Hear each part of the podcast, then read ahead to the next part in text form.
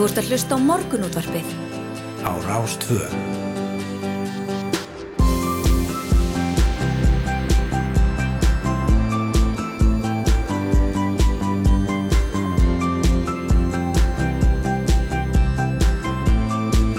Morgunútvarpið Á Rástvö. Jú, góðan og blessaðan daginn. Hér heldur morgunundurpið af stað 1. júli. Klukkur vanda tímindur í sjö og það eru Snæra Sindardóttir og Yngvar Þór Björnsson sem setja með ykkur til klukkan nýj. Já, já, og fjölbreyttu þáttur framöndan landsmót hestamanna er einn stærsti útiviðburur ásins en mótið hefst á sunnudaginn kemur og stendur í heila viku á gattstæðaflötum við hellu og þar er lokam undirbúningur á fullu og hulda gestóttir okkar leit við og hitti þar Magnús Benediktsson framkvæmdastjóra landsmóts og huldum Gustafsdóttur, Knapa og Rosaræktinda sem sögðu frá því sem búið smá við og stemmungunni sem er að myndast. Einmitt, mjög spennandi. Sögulegum leðtóafundi NATO-ríkjana í Madrid á Spánjalauk í gær. Í venjulegu árferði myndu fjölmjölar heims kannski ekki keppast að greina frá helstu tíðendum slíks fundar en ástandi í Evrópu hefur snarlega breytt heimsmyndinni Hún kemur til okkar Brynja Huld Óskarsdóttir, öryggis og varnarmála sérfræðingur til að fara yfir helstu tíðinda fundunum og krefja það sem þar fór fram. Emitt. En fréttablaði fjallaði um það í gæra að klámunótkun væri farin úr böndunum hjá tíunda hluta íslenskra háskólanema. 11,6% háskólanema horfa of mikið á klám og 7% telur sig eigi, eiga við vandað stríða.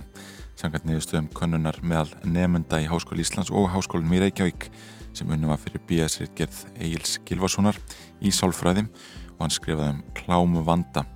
Nú Egil kemur til okkur og ræðir neðustöðunar en hann segir þennan vanda rosalega falin í samfélaginu. Emitt.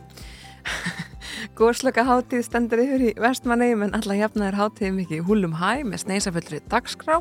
Við ætlum að heyra í Írisi Róbertsdóttur bæjarstýrum hátíðina upplugan 8.30 en áður en það gerist þá rannum við löflegt yfir frettir vikunar eins og alla aðra fórstadaga og þessu sunni með rittvundunum auði Jónsdóttur og Gunnari Helgasinni. Já, dætur Íslands þáttaröðu á mbl.is um íslenskar atvinnukonur í fótbolta í tilefni af EM 2022 hefur vakið verðskuldaða aðtiklim undafarið í þáttunum heimsækir Bjarni Helgason íþrótafréttamaður landslískondan við æfingar hjá félagslegum sínum og ræðir við þær um e, boltan.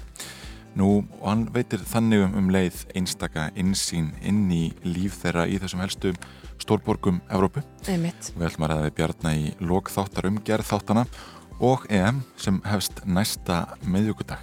Já, við erum í stremnum riðli, við vorum hérna með uh, þjálfarleisins í síðustu viku og hann sagði að hvað var það, Belgia væri langbest og svo þurftum við að keppa við eða hvað var það, Belgia væri Það er Frakland sem er held ég mesta áskorunin. langbest og Já. Belgia lið sem að, þess að það var svona þrjú lið sem að eiga ekkert sama sens að komast upp úr. Frakkar, Belgia og Þískaland Já, einmitt, eh, það er Frakland, Belgia og jú, er það ekki Þískaland? Ég held það örgulega Held það líka. Já, já. E, Ef við líta hér stötta á, á fórsíðu blæðana Já, endilega hér á forsiðu fréttablaðsins er mynd frá samstöðu og kröfufundi sem fór fram á Östuvelli í gær þar sem grafist var eh, bættrar hinsín fræðslu á Íslandi. Já, reynd, ég getur eiginlega ekki tala um þessa mynd að, að hérna, segja frá því að ég sé að mamma mín er þessa mynd Já, Já, ég er að taka bara til núna. Já, Ég hérna, horfði bara yfir mannhafið hérna en þetta var auðvitað uh, vegna uh, þessan samst, samstöðufundur vegna árásuna í Oslo Já. á hinsín samfélagi þar. Nákvæmlega. Nákvæmlega, e, það er sömulegis mynd af þessum e, góða fundi hér á fórsíðu morgunblassins sínileggi er sterkasta vopnið var yfirskrift samstöðufundarins sem aldrei var á Austurvelli. E, Þar kom fjöldi fólk saman eins og þú nefndir til að sína stöðningu íbúa Osloar Mhm. og hins einn fólk kvarvetna. Það líka rætt um það, um, já, rætt um, réttindagæslu fallasfólks hér á fórsjöðu morgunblassins en mörg mál og allt og fátt starfsfólk veldu því að afgreðsla mála hefur dreyist hjá réttindagæslu fallasfólks. Það á þátti því að ekki hefur tekist að skipa tímabundna persónulega talsmenn til að, að annast fjármál fólks sem ekki er fært um það sjálft. Nú, Kristín Traustadóttir móðir fjölfallaðara stúlka á Selfossi segir frá baráttu fjölskylduna við kerfið í aðsendri grein sem byrtist í morgunblæðin í gær og vakti mitt talsverða aðtigli og fóröldar stúlkunar hafa ekki fengið aðgang að heimabanka hennar þannig að reikningar hafa sapnast upp og hún kemst, eh, já hún er komin á, á skuldralista, 18 ára gummul Einmitt, svona vanskilaskrá. Já, Einmitt. Hér á, uh, það hefur svolítið forðanlega frétt hér á forsiðu fréttablaðsins. Þar er talað um að, að Ríkistofnarnir hér á landi hafi á síðustu árum leitt launathróun hjá sérfræðigreinum að borðu verkfræði og uh, eiga engaregna stofur og það er erfitt með að keppa við stofnarnir um þetta starfsfólk segir einfallega ríkið sóju til sem sérfræðinga verkfræðstofum landsins. Uh, þetta staðfestir ný könnun sem fyrirtækið átkom framkvæmdi fyrir samtök yðnaðarins en hún sýnir að aukinn sérfræðafinna innan ofinbæra gerans hafi dreyið úr vexti enga fyrirtæki greinina á síðustu 12 mánuðum. Uh, og hér segir, haft eftir reyni Sæfarssoni formanni félags ráðgjafarverkfræðinga ráðgjafarverkfræðinga. Svo var tíðin að verkfræðingar hjá ríkinu settu sig við örugari störf fyrir lagri laun en tíðgust og almennu markaði. En núna hefur ríkið tekið fram úr enga gerinum í þeim launakjörum sem er í bóði. Þetta er sjálfsögur mjög forðanlegt einhver því að, þetta er einhvern veginn svona þetta við breyst rætt, það var alltaf að tala þannig að það væri læri laun hjá ofnbæra gerinum alveg þerti við sviði í raun og veru. En uh, það væri forðanlegt að sjá samskonar könnun fyrir aðra bransa heldur en verkfræ, verkfræðabransan Já, já. því að ef að ríkið er bæði með verkar starfskjör og harri laun þá hérna, já, þarf enga, enga gerin kannski aðeins að klappi klárin. Það myndi alltaf það. Mm. Eh, hér á, á ræðsíðu 2 í morgunplæðinu er rætt um ferðahelgina framöndan. Fyrsta helgin í júli já, er jafnan mikil ferðahelgi og búist má við því að fjöldi ferðarfólks verða á Söðurlandi á næstu dögum. Samberið með það fyrsta helgi júli er að jafnan vinsæl til ferðalega og reiknaði með að margir muni verða á tjálsaðum og dvæljast til dæmis á Þingvöllum, Reykholti í Biskupstungum, Flúðum, Brautarholti, Laugalandi og Víðar segir hér í morgunblæðinu. Þá dvæljast þúsundur í sumarhúsum til dæmis í uppsettum árnæðsíslu og á þessum slóðum og víðar verður lauruglan alla helgina til eftirlits og inngripa ef við á. Og sjálfsagt verður talsverður erill hér um helgina, segir Ottur Árnarsson, yfirlauruglu þjóðna Suðurlandi. Hann segir að ungd fólk sé nú að fá sína fyrstu útborgun í sumarstarfi og þá var margir í útilegu og skemmtun já, og vondi gangi þó a- og allt, eh, allt stórslisa löst. Þannig að má búast því að, að fjörut getur verið um helgina. já, ég held að það sé alveg verið. Já, Ég vona það. ég hef ekki vonað það. Já, Jú. og bara fara allt vel fram að það verði bara mjög gaman. Já, Uh, hér á síðu fjögur í fréttablaðningu er mjög forðunlega frétt líka uh, þar sem að er talað um bensínveðrið og segir að bensín fyrir 10.000 krónur dugði aukumanni jepplings langleðina frá Reykjavík til Egilstaða á síðast ári en nú er í tankurinn tómur skamt frá Akureyri já, þess 10.000 kallinn, hann er búinn á Akureyri akkurat, já, Já. Akkurat. þannig að það, það hefur auðvitað hækkað gríðilega mikið elsinsverði það stendur í 350 krónum held ég. Mhm, Já, akkurat. um, og það er ég, ég man þá tíð. Já, hér er ykkur dýrtíðinni þegar að, að, hérna, allir fengu áfall yfir því að bensinni væri komið yfir 200 kallin já, okkurlega. ég man eftir því, Nú er þetta 350 krónur víða. Uh, og það er, er hérna, fordóma löst ástand. já, algjörlega það er líka grein frá því hér á, á VF Rúfa Chris Pinsir vara þingflokksformar Breska Íhalsflokksins hann hefur sagt sér frá varaformansku í flokknum en Breska tablaði The Sun greindi fyrst frá málunum og byrti afrit af brefi Pinsir til Boris Johnsons fórsættisræða þeirra og í brefinu byggðist Pinsir afsökunar á því að hafa verið með drikkjulæti á skemmtistað mm. og segist hafa niðrað sjálfa sig og aðra með höfðun sinni. The Sun hefur eftir ónefndum heimildamönnum að Pinsir hafi áreitt tvo karlmenn á klúbi í Lundunum en Pinsir svarar ekki þeim ásökunum í þessu brefi. nei, en uh, segir samt af sér Já, nákvæmlega. Við ætlum að skipta vera á fréttastofuna og koma sér með veður og farið. Þú ert að hlusta á morgunútvarpið á Rástvö.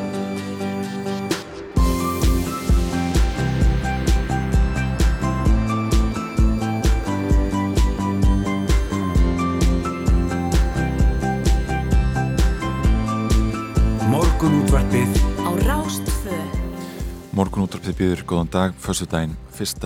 júli. Sjöfettir að baki og það er Yngvar Þór og Snær og Sindra Dóttir sem ætla að vera hérna með okkur til klukkan nýju. Einmitt, og það er eitt og annað sem við bjóðum upp á í dag við ætlum að, uh, já, að hitta eins enn betur upp fyrir uh, hvenna, þessast fyrir EM 2022 hvennalandsliðið, og leiðinni út það byrjar núna á næstu dögum við ætlum að tala um góðslokaháttíðina, við ætlum að fara við frétti vikunar með reytuöndurum Auði Jónsdóttur og dóttur og Gunnari Helgarsinni Við ætlum að ræða of mikla klámnótkun háskólanema, uh, fara yfir helstu tíðindi af leðtóðafundi NATO-ríkjana og, spa, og Spáni sem að lög í gær og fá einsla frá huldu okkar um hestamannamótið sem að er að hefjast á sunnudag á hellu. Já, ef við skoðum vef uh, viðstofunar hér í morgunsárið þá segir þar í huljengu viðfræðings að uh, en nú sé við að þoka norðan og austandir á landinu en það mun líklega að rofa til all víða það líður á morgunin og annars verður fremur hægur vindur í dag skíja með köplum og víða líkur á skúrum engum síðdeis inn til landsins og hitti ja, 9 til 16 stygg mm -hmm. og það er förstu dagur og eins og við nefndum áðan uh, fyrsti, fyrsti júli og, og fyrsta helgin fyrsta stóra ferðahelgin fyrsta stóra ferðahelgin og það er ágætt að fara aðeins yfir helgina. Mm -hmm. á morgun er eh, norðan og norðvestan góla eða kaldi skíjað og sumstaðar tóli til væta en bjart með, bjart með köplum á Suðurlandi hitti 7 til 12 stygg en að já, alltaf 19 stygg sunnatir á landinu, segir hér annarkvöld bætir í vind og, verið að regna austalands mm. og sunnudagin er svo útlitt fyrir ákveðna norð-vestanátt með regningu og svölu veðri og norður og austurlandi en sunnan og vestantil á landinu verður úrkomu lítið og talsvert mildara. Þetta er áhugavert að lesa þetta því að auðvitað verða flestir, ströymur flestra liggur kannski á Suðurlandu um helgina, þar sem veðrið verður best. Þar er hestamannamótið, eða landsmátt hestamanna þar er góðslaka háttíð uh, eh, í eigum og svo framvegs og uh, það er kannski gaman að taka það fram að hér á vegagerðinar eru engar upplýsingar fyrir Suðurlandi. Þannig að Nei. það eru vantalega litlar þrengingar eða, eða uh, lækunar hraða en eitt verðangar að framkvæmda mm -hmm. að þetta ætti allt saman að ganga þokkalega vel fyrir sér þó auðvitað þurfur fólk að hafa tíman fyrir sér þegar leggur stað Uh, aðrar fréttir eru svo sem í lámarki hér á vegagerðarnar kannski helst að nefna það að hjólakeppnin Arna Westfjords Way fyrir fram í dag fyrstæðin 1. júli á milli fellstrandar og Patræksfjörðar og vegfændur eru því bennir um sína aðgátt á uh, já, þeirri leið af því að hérna kannski alltaf að minna það að það þarf að taka fram úr hjólræðafólki með eins og hálsmeters millibili hið minsta uh, alltaf að hæja á sér að það kerir framhjá það er ekki gott fyrir Eh, fólk að fá eitthvað í meters fjarlæð á 100 km ræða eða meira en það. Eh, þannig að hérna, svona, sína þessu fólki tilliti tillit svo að það lendir ekki ykkur um svona vindi eða svona æð, þú veist, svona, komur svona eitthvað það er hægt að nota sko að hérna þú ekki henskast í smá hraðar þetta er lægi, eða það er eitthvað kerir svo hraðar hér, en þú getur líka lendið í að það bara sveiplið er eitthvað til og það viljum við ekki. Það má nú alveg bara mæla með viðtalið sem við tókum uh, við Birgir Birgisson, formann hjólurabænda reyð hjólabænda í þetta samtögin uh, hann var nefndið að segja hvað aukumenn þurfa að í huga þegar Það er eða fólk út um allt. Algjörlega. En að öðru leiti þá eru litlar nýjar frettir á vegagerðarinnar. Það er umfyrir að það er tekið niður einhver staðar svona, já, í kringum söðokrók og, og það eru framkantir á vestfjörðum og svo framvegis en, en ekkert sem að ætta að trubla mikið. Nei, einmitt. Engin teppa. Nei, nei. Eh, við skulum fá fyrsta lagdagsins. Eh, þetta er frá 2007, ef maður skallast ekki. Við erum í sambandi með springjöldinni. Einmitt. Við hlið sitjur heiða en við höfum ei meira að segja. Við höfum þansið að við sitjum í byð Yfir sorgum er best að þeia Það var ekki neitt eitt sem að öllu fjekk breytt Ekkert sem hægt er að telja Þykir mér það víst leitt en allt sem ég get veitt er víst til að hana kvelja. Og nú falla trjánum blöð og þau föl á myndatröð sem ég feta svo burt frá þér. Það er aftur komið höst og en þá blási myndalaust og þú ert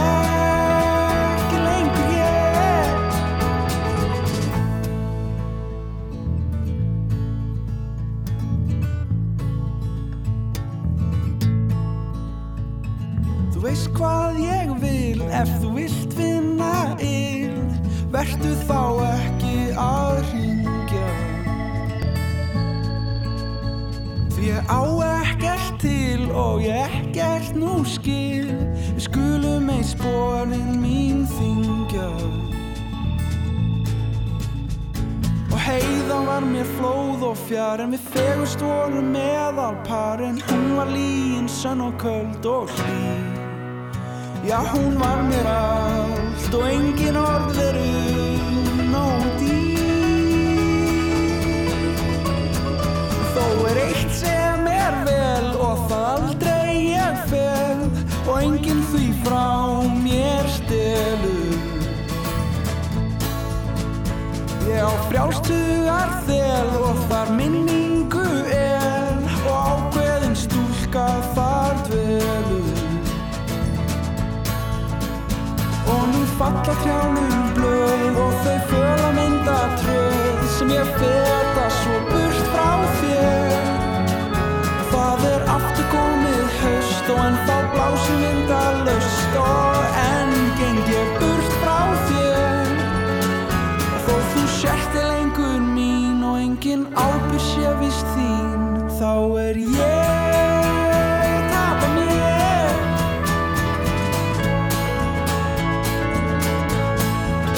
Vaknaðu með morgunúttarpinu á Rástfö. Jú, jú, verðum í sambandi með Sprengjuhöllinni Vikki Snorri Helgason sem fer, fór fyrir henni. Og Jú, jú, Bergur Ebbi á, á textaðiðalag og, og Snorri Helgason semur músíkina. einmitt, gaman að því. En hér á við rúfi búið að taka saman hvaða flugfélug standa í kjara viðræðum og búið smá við verkföllum frá í Evrópu um þessar myndir við erum nú tölvöld fjallað um þessar tafir sem hafa orðið á alþjóðaflugvöldum undafarið Já, einmitt vegna verkfalla og manneklu og þúsundir hafa orðið strandaglópar vegna aflýstra flugferð undafarið mhm, og þetta eru þess að við vel tekið saman hér á, á VF-RÚF þetta er starfsfólk fimm stóra flugfélag í Evrópu sem ekki sleggja nefur störfi í sumar ef ekki tekst að semja við félögin um kjörðara. Þetta eru SAS, uh, Ryanair, EasyJet, British Airways og Lufthansa. Og það er kannski alltaf að taka fram að þarna eru þrjú bresk flugfélög, þessar Ryanair, EasyJet og British Airways. Uh, breytar hafa verið sérstökum vandræðum af því að þeir mistu 250.000 manns út úr landi í COVID og uh, Brexit gekk, gekk ekki gildi og tók gildi og uh, það er bara mjög erfitt að fá fólk tilbaka. Já. Það þýðir bara helgarna vesen, vísavinnu, jari, jari, jari, það gengur engin, það gengur engin lengur inn í Breitland og bara fær sér vinnu en tó trey eins og það var hérna einu sinni Mm. á sko európska efnahagsæðinu. Já, já, einmitt. Og síðan er áhugavert að, að fylgjast með rekstri SAS þessa dagina. Mm -hmm. Það var grein fyrir því fréttum hérna um dagina að þeirra hlutabrjöf í þessu skandinaviska flugfélagi voru þau mest skort seldu mm. e, á mörgum þessa dagana og e, að það þyrti svona hérna svona einhver lit að breyða sig. Já, einmitt, þá eru fjárfæstar að taka svona, skort, svona skortstuð gegn félaginu á, á hlutabæramarkaði. Já, að, að veðja á það að hlutabrjöf verð lækki. Mm -hmm. Það hefur verkfall hefur ekki verið búið formlega hjá Lufthansa en uh, þar hafa, hefur starfsfólk staðið í kjaraviðræðum.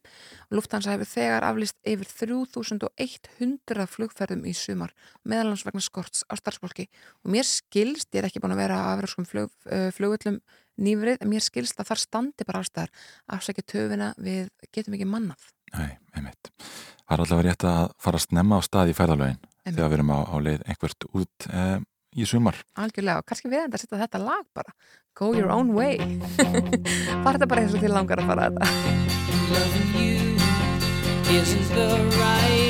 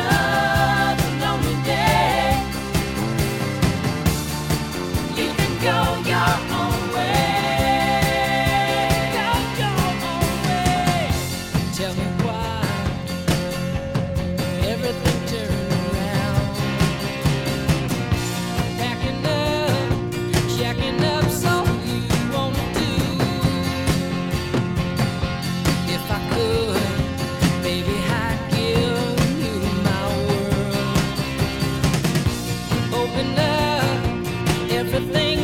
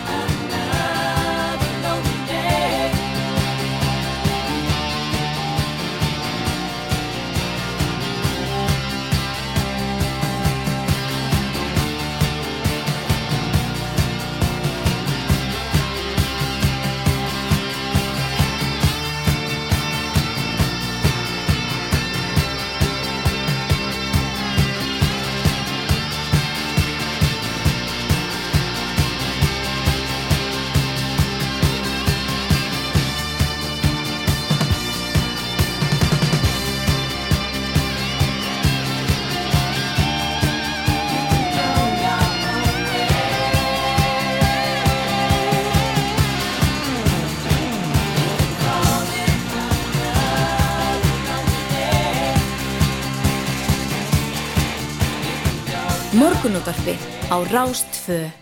Alla virka daga frá 6.50 til 9. Landsmót hestamanna hefst á sunnudaginn kemur langþráð landsmót getur maður sagt, það er búið að býða í fjögur ára en það var mótur frestað fyrir tveimur árum síðan en nú er þetta bresta á og það er heil vika framundan af öllu mögulegu og ég ákvaða að drífa mig hérna austur á gattstaflættir og stödd þar.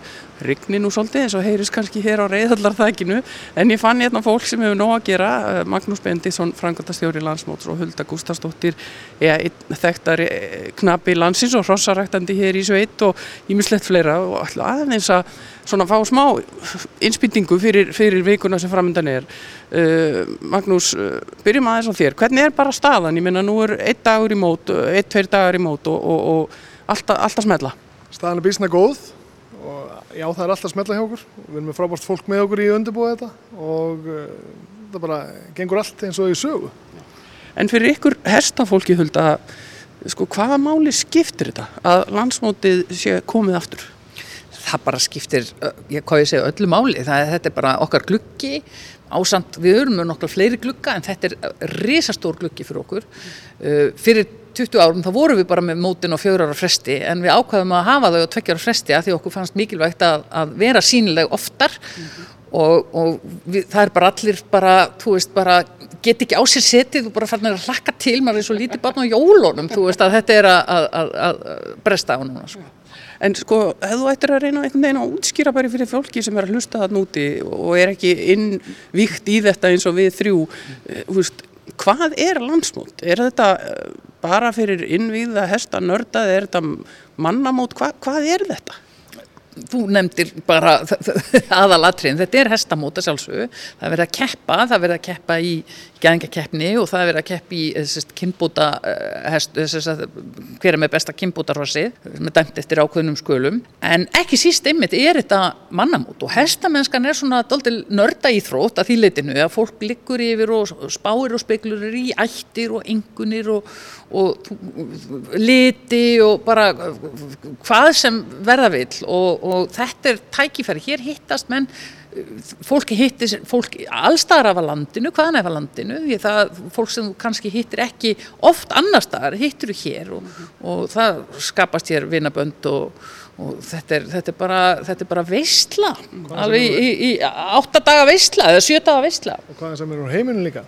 já, já, við skulum ekki gleyma því Nei, það er nú eitt, uh, það er alltaf fjöldin allur af ellendu gestum sem koma og uh, það má búast við því að þeir verði, já, einhverjir þúsundir að þessu sinni eins og svo ofta áður. Hvernig bara lítum miðansalan út? Nú eru nú kannski ellendu gestirnir oft skipulaðar en við Íslendingarnir. Já, já, en miðasann lítur mjög vel út. Við erum mjög eh, bara hress með hana hérna og það verður orðið mikil aukning síðustu vikur í miðasalunni og hápunkturinn er, er náttúrulega núna framöndan bara þegar það líður á móti og já, við erum virkilega ánum með það bara. Og það er ímyndilegt fleira í bóði, ég meina það er auðvitað hestadaskra frá mótið til kvölds alla þessa daga, en, en síðan er fólk líka hérna samankomið til þess að skemmta sér og eiga góða stundir. Það er, það er mögnuð skemmtidaskrá hérna eh, sem sagt, fyrir skemmtana fyrsta að kvöldi til. Þeir, það eru hérna Helgi Björns og, Páll Óskar á fyrstudeginum og uh, á lögadeginum eru Papanir sem er eh, náttúrulega legendary dæmi.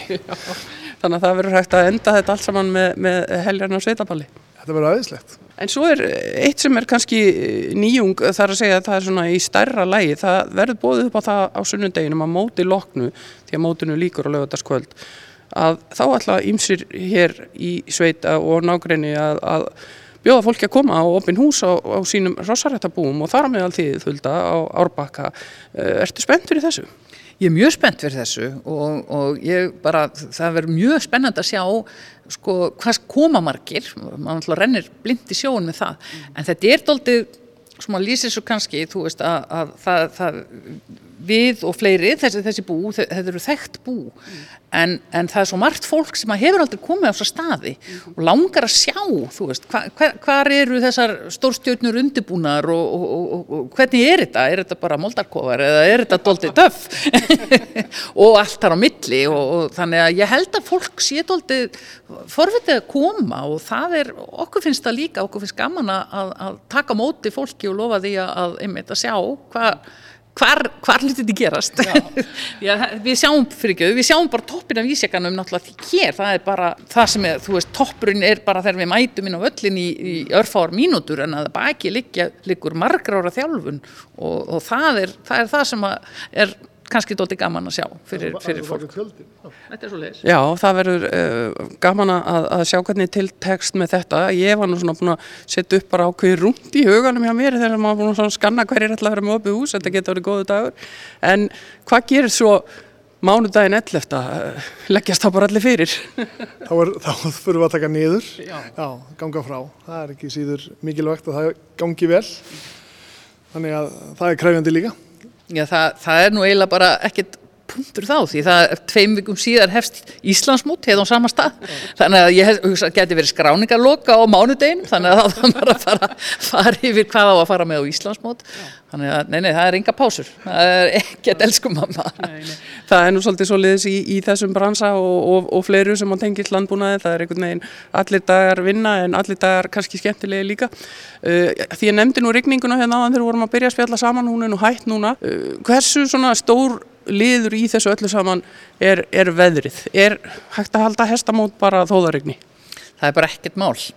Það er bara til regnföt og allt það. En eh, sko spáin er það er alveg drópar í spanni en það er svo langt í frá að það sé einhver, úrhelli eða rókorigning eða, eða, eða, eða norðangarrin sem er þekktur hér á gattstæðaflutunum það er ekkert af þessu í kortunum. Það er hlýjindi og, og mögulega einhverju skúrir en, en ekkert sem að er slæmt og yfirleitt svona veðri fylgir yfirleitt einmitt lítill vindur og það er náttúrulega það, það ok- finnst okkur hugulegt Það er mjög gott. En svona rétt í lokin Magnús, uh, klukkan hvað byrjar þetta á sunnudag og hvað verður fyrst á dasgrá? Herðu, þetta byrjar hérna klukkan 8 um morgunin með kynbóta sinni dómar byrja þá. En uh, sagt, á hringvellunum hef ég, hef ég hérna, börnkeppni um hádegi. Þannig að það, er, það verður marstu mannin hérna á sundaginn.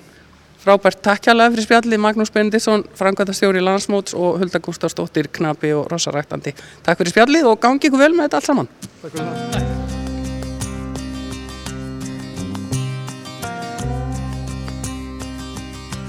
Hann er ekki hár í loftinu Hann er óvenju sterkbyggður Alveg fjári þrautsegur Státar af jafnaðar geði. Hann er óvenju fallegur. Oft á tíðum viljugur Hann er hinn íslenski stóðhestur. Í jörpu sem og í muskóttu.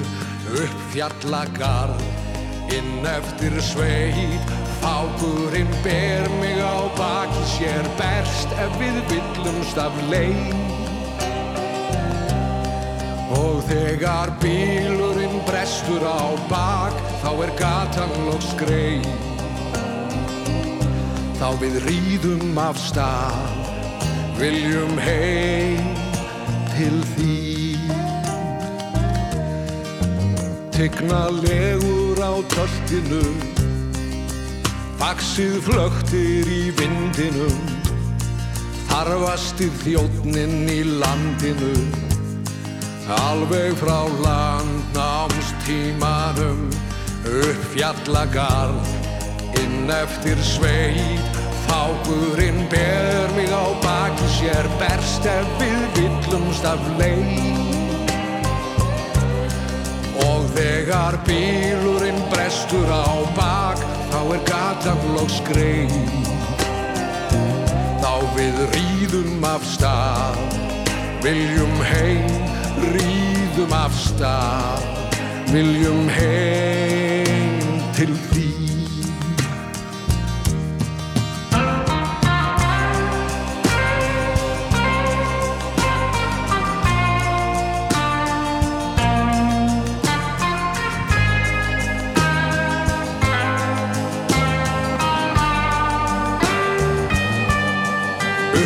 upp fjallagarð inn eftir sveit águrinn ber mig á baki sér berst ef við villumst af leið.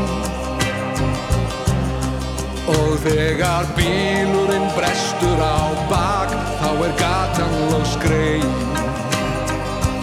Þá við rýðum af stað Viljum heim, já við rýðum af stað. Viljum heim og við rýðum af stað Viljum heim til því Morgun útvarpið Á Rástfö. Já, þarna heyrum við einslag huldu frá landsmóti hestamanna það er að hefjast á sunnudag og uh, svo eru setningar að held ég á fimmtudag og ég held að það ná svona hápunkti um næstu helgi. Já, nákvæmlega, en gott að fá svona hérna smörþjóðan því sem er að, að fara á stað núna. Mm, algjörlega. Uh, í frettablaðinu dag að tala við nýjan formann S.A.A. Uh, hún heitir svo mikið sem Anna Hildur Guðmundsdóttir og uh, þau eru mjög ósátt við uh, það sem þau kalla glóralösa stefnubreitingu stjórnvalda að fólk getur nú fengið heimsend áfengi Já. á innan við tveimur klukkutímum eins og heimkaup lofa. Já, já, við rættum við framkvæmdastjóra heimkaupa í þættinum í gær. Mm -hmm. Eh, það voru fóreldrar gegn áfengis auðlýsingu sem voru búin að kæra eh, þessa, þessa viðskipta hætti Já. Eh, en nú er eh, S.A.A. að gaggrina þetta harlega og eh, ég hún segir hér, hún Anna heldur þetta sé tvímalust skref sem mun auka áfengis vandan auki aðgengi eigur fíknivanda það er sanna með vísindalegum rannsóknum og það vita yfirvöld hér á landi. Þetta er gífurlega stefnubreiting hjá ríkisvaldinu. Hún segir líka, fyrir fólki okkar sem hafa vanda að stríða kallar það eins og snúninga að fara í ríkið, kannski þarf að panta leigubíl, kannski skammast fólk sín og fyrir fleiri en eitt ríki, en þarna bara fólk heimsend áfengi 1, 2 og 3. Þetta auðveldar áfengis inköp og afleggingar geta orðið mjög slæmar. En kannski taka það fram að frangotstjórun sagði samt í gerð að þetta skrá sig inn með rafram skilríkjum til þess að panta hjá þeim. Já. Þannig að hérna, allt í hennu veit ríki nákvæmlega hvað þú er búin að kaupa í, af víni. Já. Mm, bara, já. Mjög áhugavert. Við rættum líka hérna um emitt eftir umfjöldum fyrirtablasins um áfengisvanda eldri borgara Mhm. og hún ræði það líka hér að, að þetta sé hérna að, að vandi þeirra gæti aukist. Mm -hmm. Þetta, það eru auðvitað bara mjög margar hliðar á þessu máli. Við ætlum að skipta yfir á frettastofuna, heyra fretta yfirleitt og komum svo að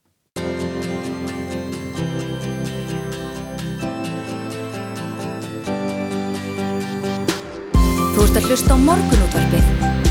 Á Rástvö. Áframhaldum við hér.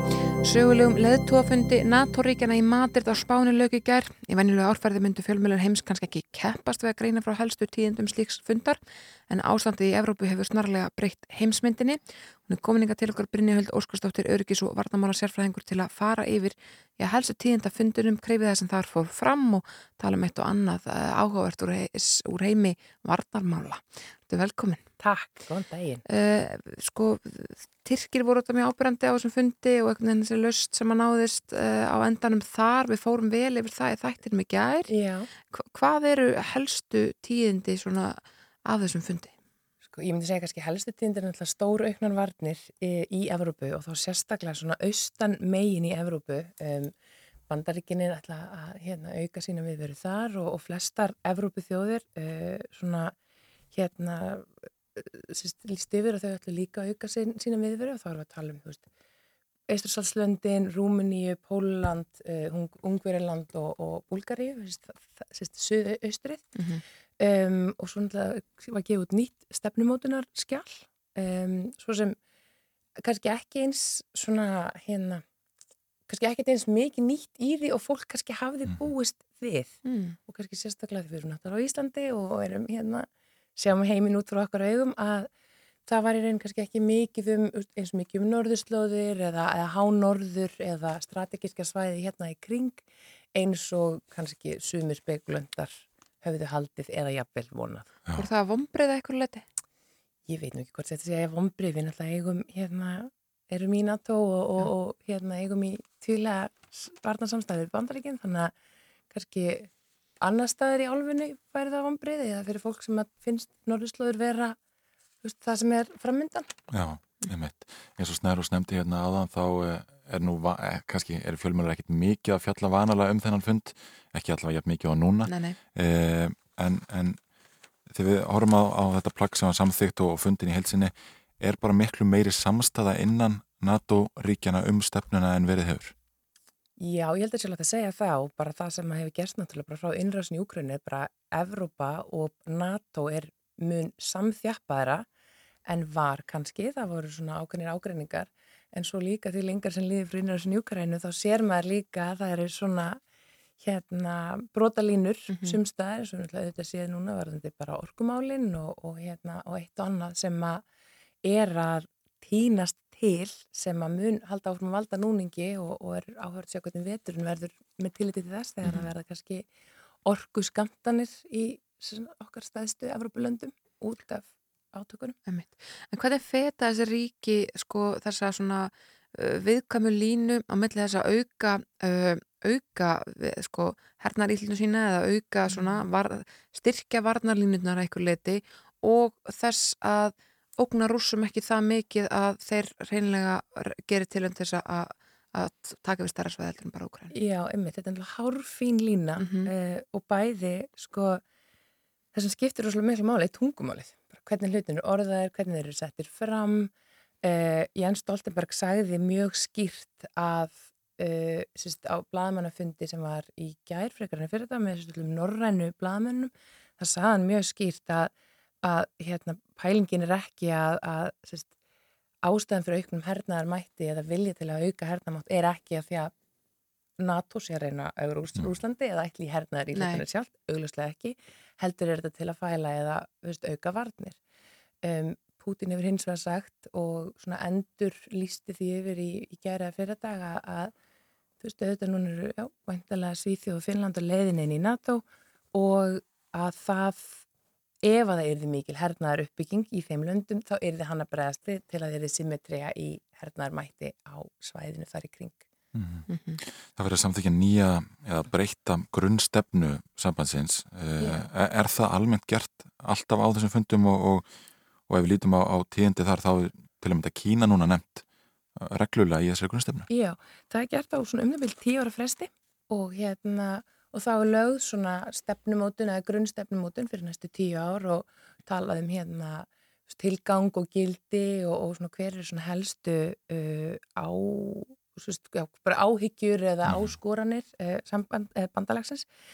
Og kannski það sem er svona helst í þessu núna er náttúrulega bara að uh, Rússland er helst, er útlistu sem helst öryggisókn í þessu, Já. tökum, eða, í þessu hérna, strategic concept eða þessu stefnumótin og, og það er líka sagt að yfirlist markmið Kína eða þvingunarstefna Kína sé sér sagt áskorun við hagsmunu okkar gildi og líðræði og það hefur ekki verið áður og það er hérna þannig að það er auðvitað að NATO er að endur með þetta bæði hvernig hórunir, hlutnir horfa út af við og svona auðvitað líka snýst þetta um löndin sem eru inn í bandalæginu Mhm. Eh, en svo annar punktur sem er kannski líka ákvarður er að fyrsta skipti sem að loftlagsbreytingar eru settar sem afgerandi ógn uh, og eitthvað sem mun hafa verulega áhrif þessi útlista sem eitthvað sem mun hafa verulega áhrif á öryggi bandalagsins frið og stöðuleika. Mm, einmitt. Sko þarna voru þetta komin saman helstu þjóðarleituar heims og fulltrúa þeirra um, í Madrid á Spáni öryggis viðbúnaði var gríðarlegur og kannski aldrei meiri en við þekkjum það auðvitað hér, hérna var haldinn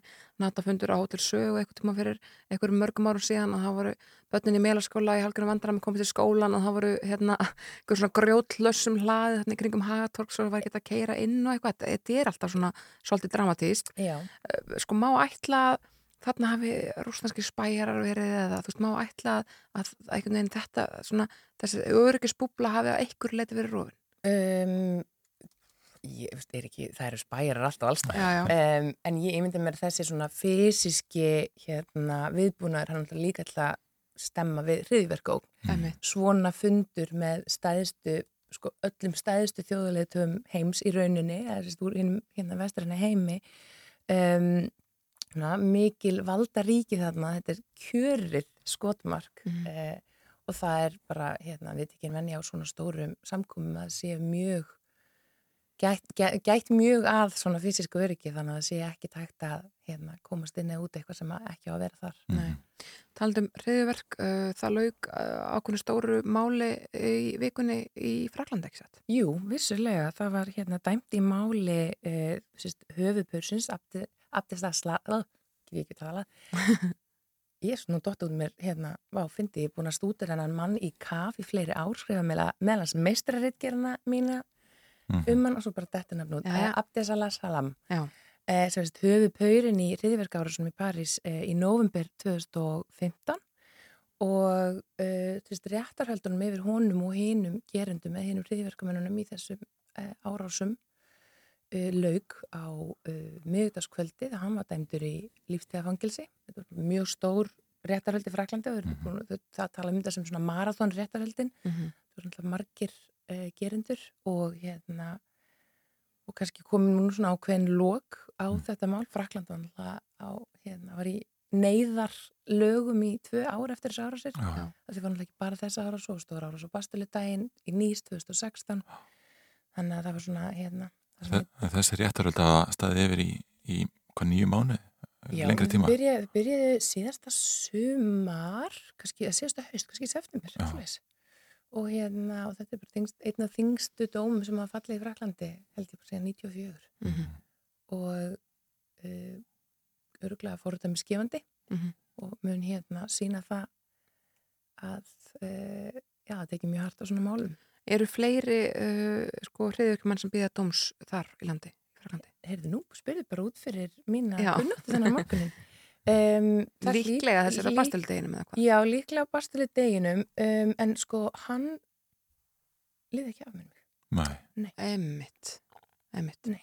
Maður rétt að vist ekki yfir uh, dánu fólki. Nei. Brynni Huld Óskarsdóttir, ekki svo vartamálu sérfræðingur. Takk kærlega fyrir komuna í morgunóttarpið. Takk.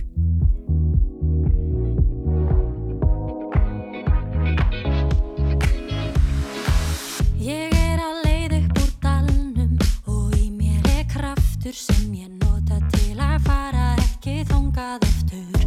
Reyna að finna hvað lætur mér líða betur. Hitti sálfræðingin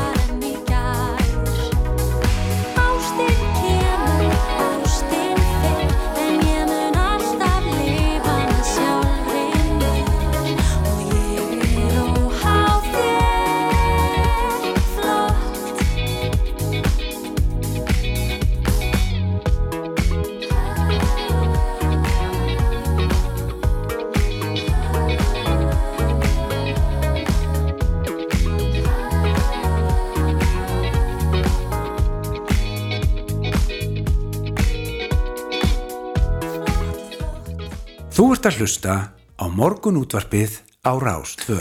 Lagi flott með hljómsveitinni, flott. En fréttablaði fjallaði það í gæra að klámnótkun væri farin úr böndunum hjá tíunda hluta íslenskra háskólanema. 11,6% eh, þeirra horfa of mikið á klám og 7% telli sig eiga við vandað stríða. Samkvæmt niðurstöðum könnunar meðal nefnda bæði í HÍ og HR sem unni var fyrir BS-rit gerð Egil Skilvasonar í Sálfræði um klám vanda og Egil Ringa komin, góðan daginn. Góðan daginn. Að þú ferði aðeins yfir hvað varst nákvæmlega að skoða í reykjarinni og hvernig þessari könnun var hátta? Sko ég, ég lagði að stað í þetta með það fyrir um mig að e, fyrst og fremst aðtuga bara sjá tölulegar upplýsingar um klámnótkun á meðan háskólanema. Í öðru lagi hafði ég mikinn áhuga að sjá aðtuga hvort ég fyndi einhverja tölur um það hversu margir eða hversu stór hópur ætti við einhvers konar vanda að stríða eða ætti erfitt með stjórn á klámnótkunni.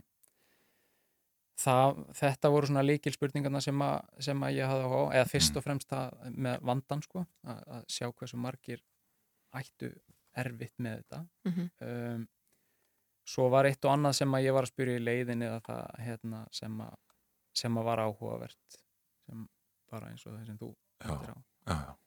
Sko, um það byrju 7% segjast eiga við vanda að stríða. Mhm. um, hvernig er kynjarhutlinn þar? Manstu það? Já, það eru ekki gríðalegu munur á þeim. Já. Eh, Það var meðal annars það sem að kom mér mikið óvart. Ég ætlaði mér aldrei að vera með neina kynjaskiptingu í konuninni eða, eða svona umfjölluninni. En í ljós koma að innan þessara 7% var sjöfaldur munur á milli kalla og kvenna. Það er að segja að voru minni 27,1% kallar og 3,8% minni með konur Einmitt. sem að töldu sig eiga við vanda að stríða en það er, þetta er svona það er kannski erfitt að segja nákvæmlega þetta er fólk sem, á við vanda að stríða þegar spurningin er sett upp þannig að þetta er svona, ertu sammála eða ósammála Já, telur þú þig eiga við vanda að stríða? Já, áttu, hefur þú átt erfitt með stjórn á klámnóttum Mhm. þinni og þá eru 7% sem voru sammála eða mjög sammála. Og ykkur eru kannski ósamála sem eiga samt við vanda að stríða. Það getur verið, Já. Það er ekki það bara ekki. líklegt. Það er ómögulegt að segja til um. En það er allavega, þe- þetta er allavega svona hlutvalli sem segir já, Mhm. ég tel mig eiga við einhvers konar vandastrið og þetta er bara svolítið stór tala. Mm, já, já. Þetta er svona tíundi hver háskólinni Í raun og veru, já. Er langlegin í það, sko. Já, já. Og þetta er náttúrulega bara 666 svör sem ég fæ af 9300 sem að fengu senda könnunina. Já, já. Þannig að við förum að yfirfæra og segjum að þetta sé eitthvað lægra hlutvall að ég gekk út frá að þetta væri 1-5% sem að væri þarna og rannsóknir hafa almennt verið að sína svona einhver starf á bylun 3-5% Mm. þannig að ég fór í svona mjög hóflega tölu en svo kom þetta út og ef að þetta yfirfærist að einhverju leiti á allan hópin eða Já. stóran hluta hópsins þá er þetta bara orðið alveg svakalegu fjöldi. Já, já. Og í hverju byrtist vandi? það getur verið rosalega fjölbreytt það getur verið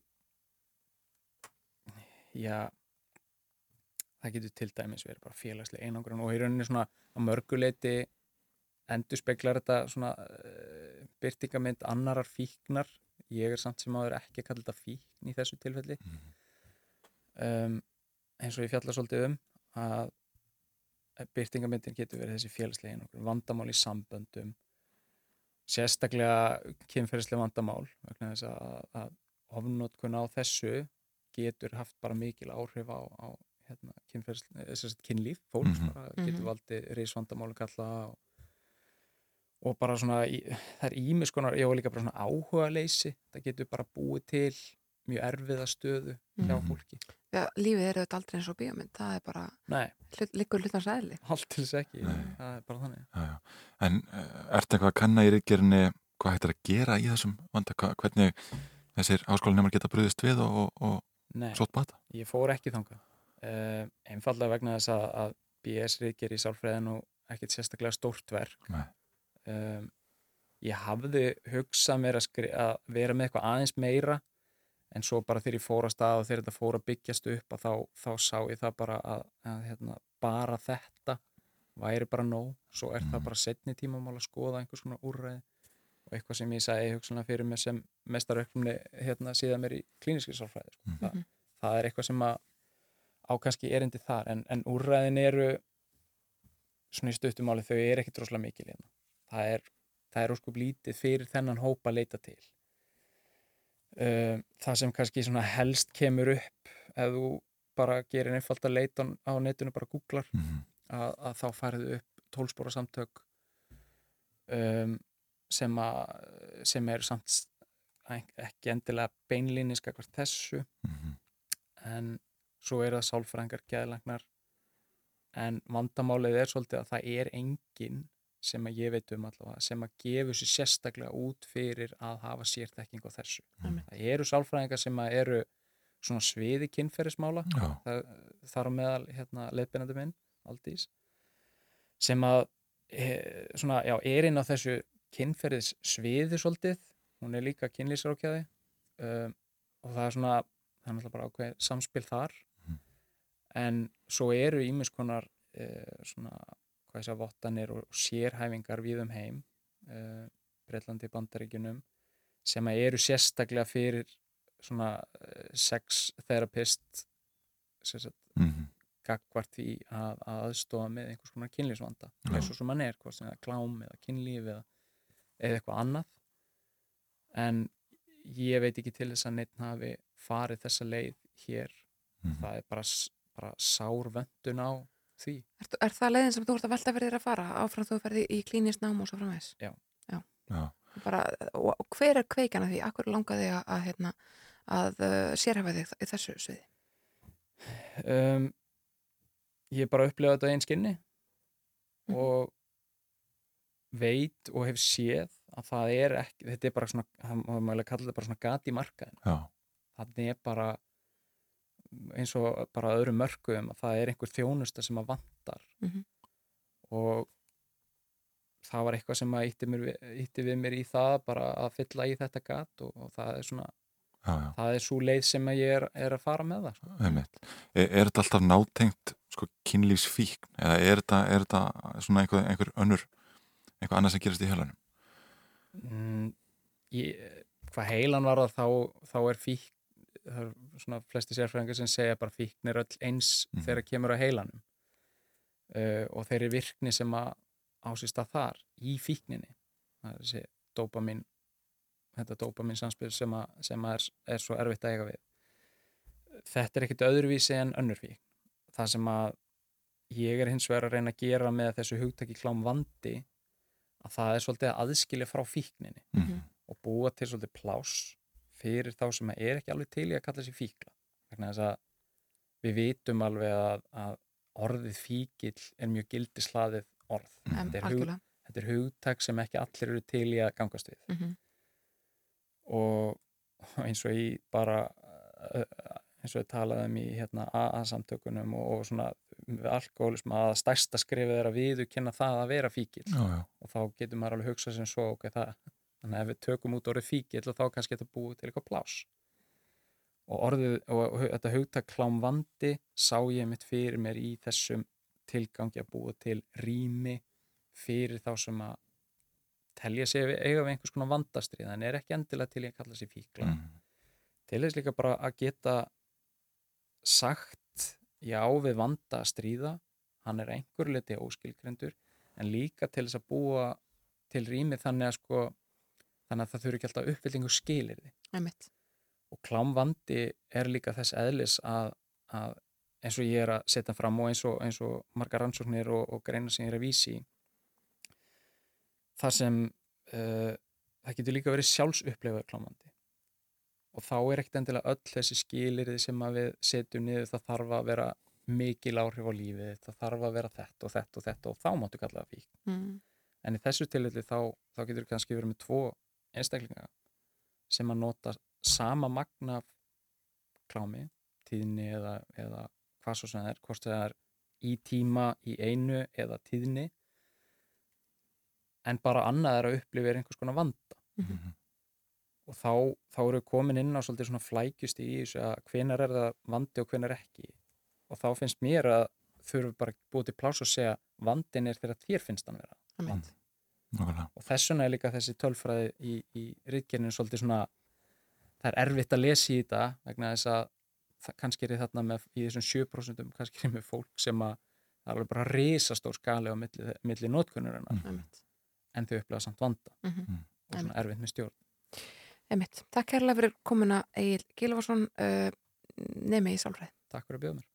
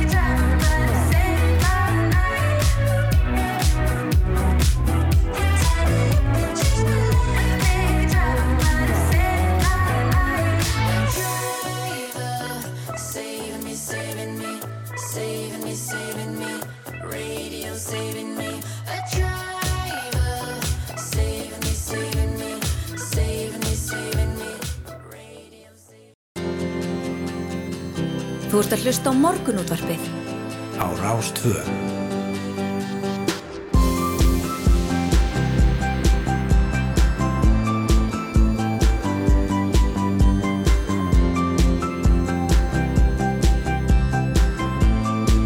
Morgunútvarpið á Rástfö. Jújú, hér heldur morgunútvarpið áfram eftir áttafréttir og það er föstudagur, það þýðir bara eitt, við ætlum að renna löflétt yfir fréttir vikuna með góðum gestum. Að þessi sinni eru sest hjá okkur rithöfundarnir Auður Jónsdóttir og Gunnar Helgason, verið velkomin. Takk. Það er nú eitt að annað frétta svo sem í heiminum þessa vikuna og kannski svona stæsta málið uh, Roe vs. Wade viðsnúningurinn í bandaríkjunum, þungunarofs uh, dómur hæstaréttar þar sem að einhvern veginn ég hefur valdið því að, að það hafa bara heimsleitur uh, hvaðan ef að verið að gaggrina bandaríkin og, og margir tjá sig og svona, já, mikill sorgardagur á mörgu leiti fyrir mannréttindi hvenna. Uh, ef við kannski byrjum bara þér auður, hvernig hérna slæri þetta málið?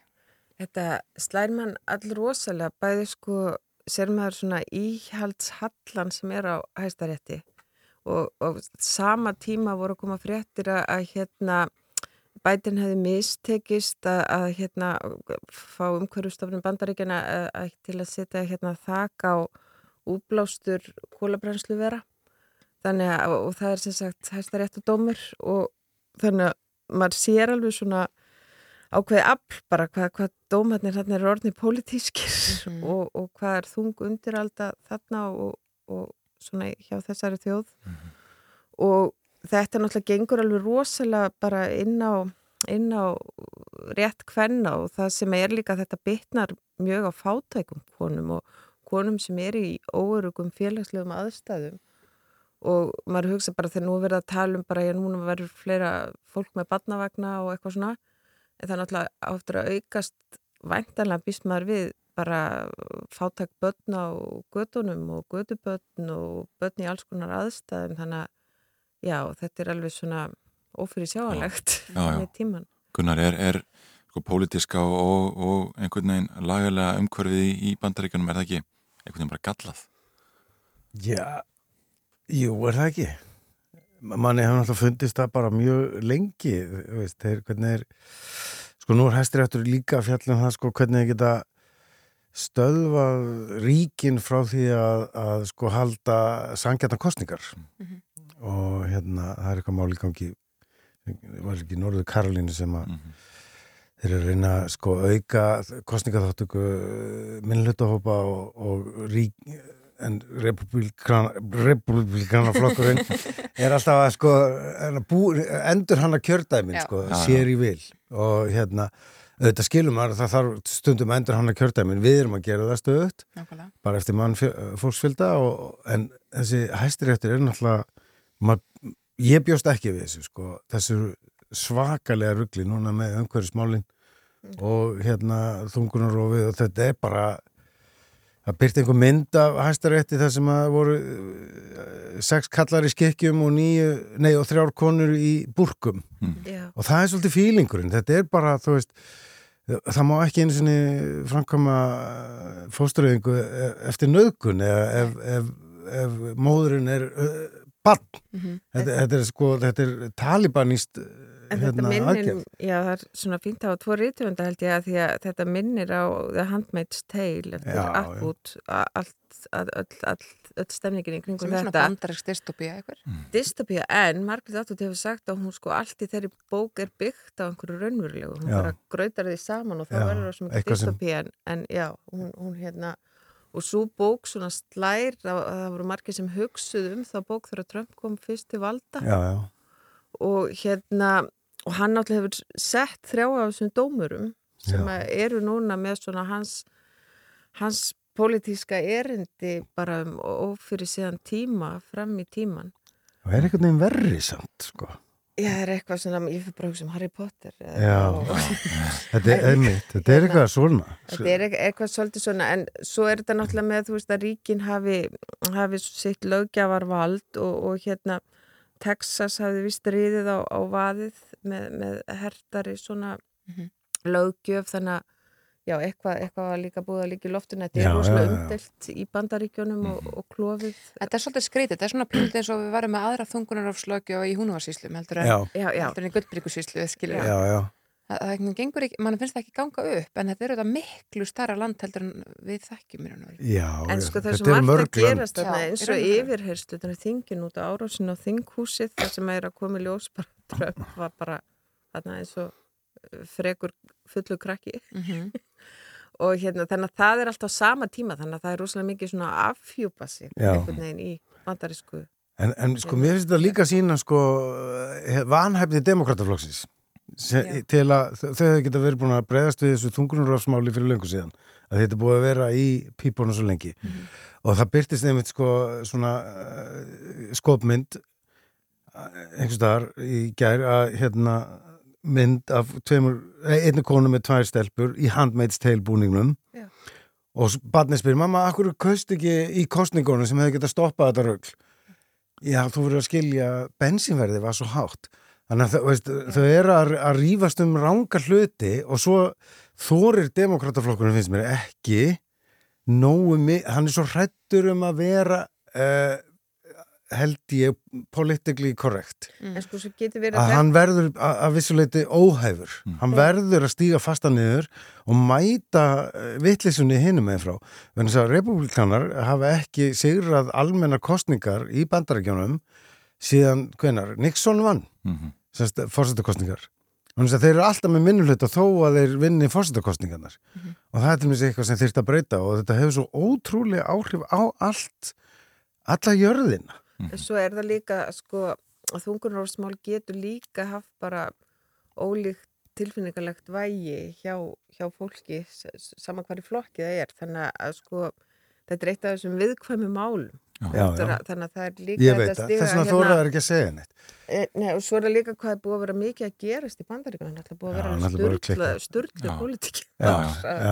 Það var rætt hérna við, við Ragnæði Bjarnandóttur kvennsútuma og fæðingalækni hinum með við gangin í morgunvattinu á, á rás 1 í, vikunni og hún óttast að þetta myndi hafa sko margfældis áhrif á samfélög sem hefur líta til bandaríkjana og þau eru mörg. Já. Óttist þið að það verið staðan?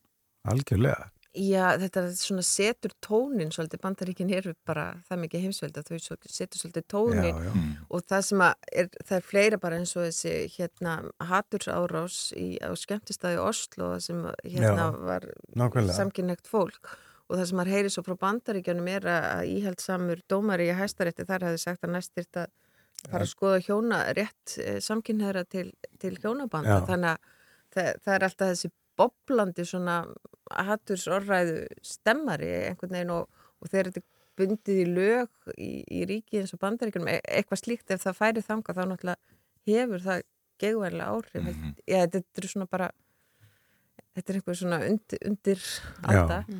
Þetta, þetta er það var náttúrulega frábært að sjá samstöðufundin hérna í gær sko en uh, ég upplýði þetta bara samstöðufund sko með Veselings bandarækjumennu líka ekki bara, þú veist Svo líka með vera- hérna geisamfélaginu sko Já, svo, en svo líka hlutur að vera inn, þú veist, eins og samar að tala um bara svona eins og getnaðavarnir, aðgengi getnaðavarnir. Já, hann vill, hann vill stoppa það líka Já, sko. því, en sko líka bara að fátakara fólk kannski bara hefur ekki alltaf sama bólmag til að vera sér út um uh. Nei, Eða nei. þetta er sko... En líka sko, þetta er líka heilsufarsspörsmál vegna þess að, að ef það væri almenn hérna, heilsugesla í bandarhegjónum allir getur fært til læknis og spítala. Þá væri þetta kannski ekki alveg alvarlegt. En, en þegar þeir eru ekki með almenna heilsugeslu þá, þá verður þetta miklu, miklu hættulegra. Mhm. vegna, Hæ- þess að, vegna þess að þú, þú veist það er margar konur sem vita kannski ekki að því að þessi óléttar fyrir nú seint. Já, en líka, sko, bandaríkinni er ekki bara tveggja vikna fæðingaról og það er mjög Já. mikið af börnum sem bara fá ekki það aðhald sem Nei, nei, nei, svona þetta sjálfsagt í velferðaríki og þetta með mitt að vera að tala um að vernda líf en, en hvað með öll börnin sem eru lifandi og er ekki að Já, Sko, það, er, þá- það er þá- nefnilega þá- frábár punktur. Já, og þegar um byrnan að tala um þetta hér og þannig að, já. Já, og þú veist, það er í lagi að skjóta börn í skólum sko, eða veist, það er svona Einmitt. leiðilegt sko, en það má alls ekki fara í fórstureyðingu. Nei, Það virðist vera afstæðan Sá einhver staðar að hérna, ef að uh, byssum að myndi beina uh, skotopni að óleitri konu þá væri byssan uh, sá aðili í því samhengi sem hefði mestan rétt. Já, Já. nákvæmlega. Það er bara mjög merkilegt. Sko. Þetta er náttúrulega alveg klikka samfélag, því miður Eh, versnað. Annað, við erum svolítið hérna utanlands, utan landsteinina í þessum fréttum vikunar uh, uh, það eru réttarhöld núna í gangi út af 7. janúar uh, auðvitað kom að sinna það áðan, þar kom bara að ljósa að Donald Trump var eins og fullu krakki uh, hann tók hérna eit- eitthvað starfsfólk sitt hálstaki og ég Já. veit ekki hvað um, sko, Greip í stýrið á bílnum og vildi keiri þinghúsið og þú veist. algjörlega Bannaði málmleitartæki á útifundunum, leifiði þeim að koma með. Einmitt. Hvað, sko, uh, hefur, haldið þið að bara svona, í raun og veru kannski stjórnkerfi bandarækjana eða bara einhvern veginn svona, svona réttarfars hugmyndir heimsins geti náð utan um uh, skaðan sem svona stjórnmálamenn valda. Þú veist, er hægt, mun hann eitthvað um að fá sangjætan dóm? Við erum með svartfólk í bandarækjum sem fær lífstegið fangisi fyrir minnirháttabrót. En eh, mun sko, fórsætti bandarækjana eitthvað um að fá sko já. refsingu fyrir það sem hann uh, gerði þarna. Ég var nefndi að hugsa þetta í gæð sko, að, mér finnst það mjög ólíklegt. Mhm.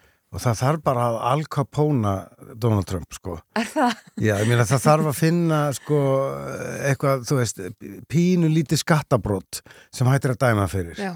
Og þá, þú veist, Al Capone var ekki dæmdur fyrir neitt annað en sko misferðli með fjö sko. Þannig að, að það þarf að finna eitthvað svoleiðis, bara þannig að hann get ekki bóðið þessi fram aftur. Hann fyrir aldrei í fangelsi eða... En sko hættan er þegar hann er búin að koma sér svona innilega inn í kerfið eins og bara með skipan þessara Já. dómara þá, þá svona er hann aðeins hérna búin að hérna svona tryggja sig smá og svo Já, náttúrulega já. normaliserar hann hérna atferðli svona sem að var ekki eins normal fyrir hans hérna setu þannig að hann Já. gerir klikkar hluti sem að kannski þóttu ekki eðlilegir en, en svo er það normaliseringin þegar líka vald, svo- valda mikill maður hérna Þetta er líka svo stórt land að, að þú veist, e, Já. þú gerir eitthvað rugg og það er bara, það er hundra miljónum sem finnst það bara í lægi. Já, og hann hefur líka notað þessa aðferð eins og með Twitter-rekningin sinni eins og hann var sko, hann, hann bara sagði alltaf við óhugsandi ef hann gerði eitthvað hræðilegt, greip í píkuna á einhverju konu eða hvað hann gerði Já. þá var hann búin að normalisera það daginn eftir með að þeim að smarga fylgjendur á E- Twitter já, mm. já. þannig að hann sko notar svona einhverjar aðferði sem að eru rosalega ný, eða þú veist það er svona stríða Ég held að samfélagsmiðlar eigi einhverja sög hérna í þessu máli. Þetta er, þetta er stór hættulegt tæki, þessi bergmálshellar og þessi öskur sem fólk setur inn á samfélagsmiðlana og, og veist, bara til að létta af sér einhverju ruggli sko, en fær síðan alveg rosalega mikið hérna, lofatak og bergmál En það er, þetta spilar allt svo saman, sko, hérna, þessi svona tími falsfrétta og upplýsingamengunar og allt og að svona og Þannig kemst hann til valda. Já, og kann svo vel að nýta Já, það. já, Hérna, En, en á sama tíma er, er einhvern veginn meiri samstæð innan Evropasambansins og NATO en, en nokkur Já. sinni mætti segja e, Mhm. er að vera til einhver, einhver svona evrósk heild sem bandaríkin vera fyrir utan Sko það tala með Európa sem svona frekar litla í, í alþjóða samhenginu en hérna ég held það og bara núna þú veist eins og hérna já það er, er held ég meðvitund um það eftir Trump og það er ekki takt að reyða sig kannski á svona bandaríkin á sama hátt eða svona það er önnur skinnjun á það heldur en var. Já, og, sko, og ég- hérna Ég held að við auður höfum, höfum svipum aldrei. Við, við ólust upp við að nú væri heimurinn að vera betri. Mm. Ég held að við séum komin að þann... næf, Já. 90s eitthvað. Við yngar erum alveg upp við að heimur sé að verða verri, sko. Já, ok. En ég held að sé að verða verri núna. Hann er Já. að verða hættulegri. Einmitt. Og vonandi, og þú veist, og allt í einu er NATO og Evrópa uh, sko kjölfestan. Það er Og, og, og kindilberar fríðar og, og samvinnu en ekki ekki bandaríkin og því miður ekki Bretlandin En Það er svona spurning hvar Evrópa kannski leitar eftir sínu bræðra eða systra lægi eða Já, já. svona h- hvert ef það er ekki Það tala um Erdogan. Já, ég er bara eftir allt NATO og og vissinni í honum að Aðeins, Já, já. aðeins hingað heim, uh, helsta stóra mál vikunar var uh, mál uh, Arnars Grant og Vítalíu Lasareva, uh, það var svona þreimenningar úr viðskiptalífinu sem að kerðuðu fyrir tilum til fjárkúnar, hún auðvitað steg fram uh, kringum áramót og, og sakaði þá um kynferðslega ofbeldi. Uh, þetta mál, uh, viðkamt eins og það er og svo frammis, uh, hérna, hvernig horfir það við ykkur? Er þetta, uh, byggust þið við þar, þessum tíðindir sem komið þessari viku? Mm, Nei. maður er svona, svona hættur að vera að hissa á nokkru sko, eða þú veist, það bara gerir svo margt en hérna eins og já, að- maður stígur kannski varlega í að að tala um mál sem, slí, sem þetta, að Nákvæmlega. þetta, þetta er viðkvæmt mál en sko þetta gætu verið tvenns, tvenns konar, sko bara ef maður er að fabulera ábyrðalaust, það gætu verið tvenns konar hérna mál í gangi annars vegar hérna málum um hérna mútur eða, eða vera hérna að reyna blackmail einhvern Mm. Og hins vegar þetta með nöðgun eða, eða kynferðislega áreitni eða, eða bara, já, kynferðislegt ofbeldi. Þannig að sko hún, mér skildist að hún hefði ekki lagt hann kæri en hún hefði hins vegar skrifað bref til kærunemdar lauruglunar og það er mjög þekkt eh, skils mér, ég las eitthvað viðtal við konu hjá stigamótum og, og að, að og eða svona færist í vöxt að þólendur reyni að fara í mál við þá sem að hérna hafa borið eitthvað upp að, að, að gerendur reyni að fara í mál meni, ég, sem að hérna, við þólendur sem hafa borið eitthvað upp á það. Og hérna en eins og ég segi, hins vegar sko með máli þá, þá koma alls konar atriði upp kannski það, þetta er að talað um sko þetta, já það fjallað Við erum um- svolítið að horfa svo fram undir beinni útsendingu. það er kannski- það og, og þú veist í rauninni er maður bara áhórandi maður veit og, og eins og ég segi þegar mál sem hins vegar fara áfram þá, þá svona er reynd að fá, fá öll atrið upp á yfirborðið þannig að þetta skoða málið í heilsinni þannig að það er eitt. En hitt er sko þetta eru valda miklu menn og ríkir og, og þarna er ung kona að stiga fram með sína upplifun það er hinliðin á þessu þannig að og eitt sem ég kannski, þetta er kannski þetta kemur allt upp úr uh, þessum podcaststætti hennar Eddu Falak að sko maður veit ekki í podcast þáttum þá eru kannski, það eru ekki stuðst við kannski svona aðferðir sem væru í rótgrónar í fjölmiðlum þannig að það er kannski ekki sama svona varfærni þannig að ég veit ekki hvað getur já, það getur hægt kannski ýmislegt sem að gæti verið hæpið inn í réttasal já, já. Uh, bara hérna rétt í lokin, uh, kæru gestir, uh, venjulega þá erum við að spyrja ykkur hvað planið er um helgina en, en Gunni, þú ert uh, já, upptekinn við að setja á fót íslenskara, íslenska lestar, lestarkeppni. Nei, ekki lestrakefni, lestrar svona kvartningar, eða svona áskorunar, Já. lestrar kvartningar Skuldbindingu herferð. einhverra. Já, þetta er sko tvennt eh, að hérna út af EM kvenna þá var ákveðið að sko fá, eh, eða hjálpa fóreldrum og forráða fólki þessar lands að, að fá krakkana til að lesa á sömurinn, það er alltaf vesinið að láta börn lesa á sömurinn Mhm. Þannig að það er hægt að, setni dag verður hægt að fara inn á tími til að lesa.is sem er átak sem við vorum með fyrir tveimur árum. Og þar er hægt að prenta út samning sem að barni gerir við fór svona atvinnu lestrasamning í staðin fyrir atvinnu fótboltasamning og, og, þú, og barnið lofar að, að lesa í ákveðin tíma Já. fyrir hvern einasta leik sem stelpunum okkar spila. Þannig við veitum ekki hvað lestra átaki verður lengi. Við vonum náttúrulega að vera sem lengst Já, já. og hérna og það byrjar sérst, í rauninni bara í dag það er að byrja í dag fyrir metnaðafulla krakka og fóreldra en uh, okkar stelpur spila 10. júli fyrsta leik og, og í velun er og það síðan er þetta sko fyrir hvert mark og fyrir hvert var í viti lestu eitthvað mínútur og hérna og það er rosalega velun hérna sem fóreldarnir ákveða þetta Já. getur verið knús Já. eða spilakvöld bíókvöld eða bara uh, fýblast saman það er bara Mjög gott að frétta saman fótbolta og lestri. Já. Ég er sko á svona fótboltastrák sem að er ekkert mikið fyrir Nei, svona- hann í Já, þetta. Hann er af sinni kynstu. En, en þá er ég með annað fyrir hann sko. En þetta er tvíþætt. Og það er sko skrif, þetta heitir lesum leikin og svo er það skrifum söguna. Vegna þess að, að sko, mér langaði að breyta aðeins ekki bara að gera lestur vegna þess að ég fyrir mikið að, að kenna rítlikst í skólum. Og það eru mjög margir krakkar áhuga saman um að skrifa. Og þau geta skrifa sögu og sendt inn á Gunni Helga tími til að lesa múturis sögu sem verður að vera með bolta í. Mm. getur verið Má brennibolti ég, að, því- en að því við erum komin að lestra íslensk mál að því ég segi blackmalag, ég ætla að tala um fjárkúunar Já, já. tilburði. Sko, en er ekki tilvalið að fólk lesi bókina hennar auðar algjört frelsi sem kom út fyrir röglega 20 árum síðan eða eitthvað, það er svona sumar krakkabók? Já, Algjörlega. Það er, líka annað, sko, þú veist, inn á veist, það þarf ekki alltaf að lesa nýjastu bækunar. Það er til Algjörlega. ótrúlegt magn af góðum bókum inn á bókusöfnunum. En bara til að klára þetta söguna, að það á skilin fyrir átjánda, það var síðasti leikur í reyðlekenninni, okay. og ég les alla sögunar vel, sigurveran, sigurverin fær hvorki meirinni minna en ferð á útileik með kvennalansliðin Vá! í útlöndum. ok, Ó já, og, og fimm aðrir eru dregnir út sem, og þeir fá með á heimaleik Já. og landslistreyjur.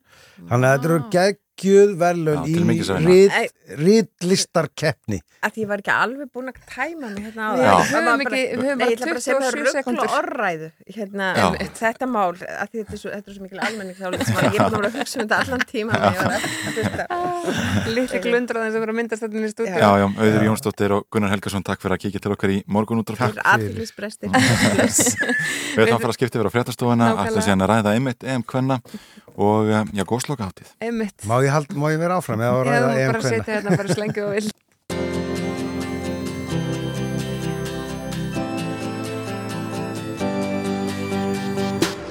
Þú ert að hlusta á morgunútvarpið á Rástvö En það eru eflust einhverjir vestmannaðingar að vakna upp reyðgæðir eða til í meira tusk eftir gerðkvöldið því að góðsloka hátíð stendur nú yfir í vestmannagum.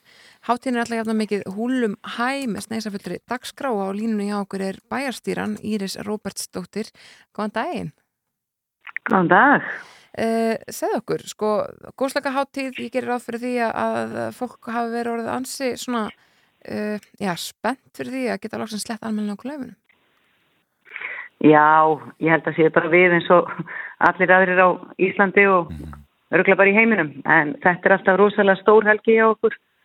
Mikil menningar helgi og svona hátíð. Þakklæti fyrir það að góðsinu lauk. Er 3. júli er dagurinn og við höldum alltaf veglega upp á það og hérna í Vestmannum þá erum við svolítið gjörn á það að halda upp á allt í helgum. Þannig það er ekkit öðruvísin að góðslaka hátíðina. Já, já, einmitt, já, já.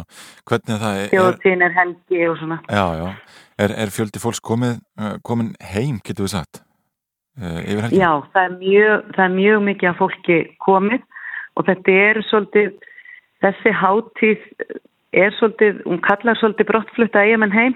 Það eru mikla sögutengingar, mikið að lista á menningaviðburum, annan tug síninga og svona þetta er einhvern veginn, þetta er svona þessi, hvað ég var að segja, þessi típiska bæjarhátíð. Það sem við sínum það besta sem við höfum upp á að bjóða og rifjum svolítið upp söguna og látum okkur líða vel. Einmitt. Hún, er, hún hefur svona aðeins annan brag yfir sér heldur en þjóðatíð að þessu leitum til að hún er einmitt kannski svona já, stendur nánast vestmanningum hjartanu nær heldur en þjóðatíð eftir að, eftir að svo hátíð var svona já, sprakk út sem eitthvað svona partí. Ég held að við getum nú aldrei sagt það að neitt standi hjartana nær en þjóðatíð Já, já. og þjóðatíðin er náttúrulega menningarháttíð sem hefur verið haldið síðan 1874 þannig að góðslokaháttíð nær því ekki. Og það er annað sko yfirbragð að því auðvitað er góðslokaháttíðin kemur til vegna þess að hér var gós sem eru 50 ár á næsta ári frá því að gósi var. Þannig það er annar bragur en hún stendur okkur, hún er öðruvísi, það er aðra tilfinningar tengda góðslokaháttíð Já, já, einmitt. En hvað er nákvæmlega bóðið upp á um helgina? Heyrðu, eins og ég sagði á þann, það er óbúslega mikið lagt upp úr menningaviðbörðum og barnadagskrá. Það er gríðarlega mikil barnadagskrá og það verður stór, hérna á stakkageristúnni hjá okkur í dag er mikið húlum hæ, bara mjög mikil barnadagskrá og svo varu einar 7-8 síningar opnaðar í gær og fleiri verða opnaðar í dag og svo eru tónleikar með Bjartmar í kvöld sem er endar er uppselt á, það er Bjartmar og Bergveitsarnir, tónleikarnir sem hafa með í háskóla bíó, eru hérna í kvöld og þetta er bara líka, fólk lappar á milli og það er eiginlega, sko, hvað ég að segja, þetta er svona, já, okkur finnst gaman að hittast og tala saman, þetta er líka svoleiðis viðbörðu þar sem þú hittir fólk, stuttir fyrirlestrar og svona, þannig ég held að allir geti fundið eitthvað fyrir sig, bæði börn og fullorðnir, þannig að það er það sem gerir þess að hátíð ótrúlega skemmtilega.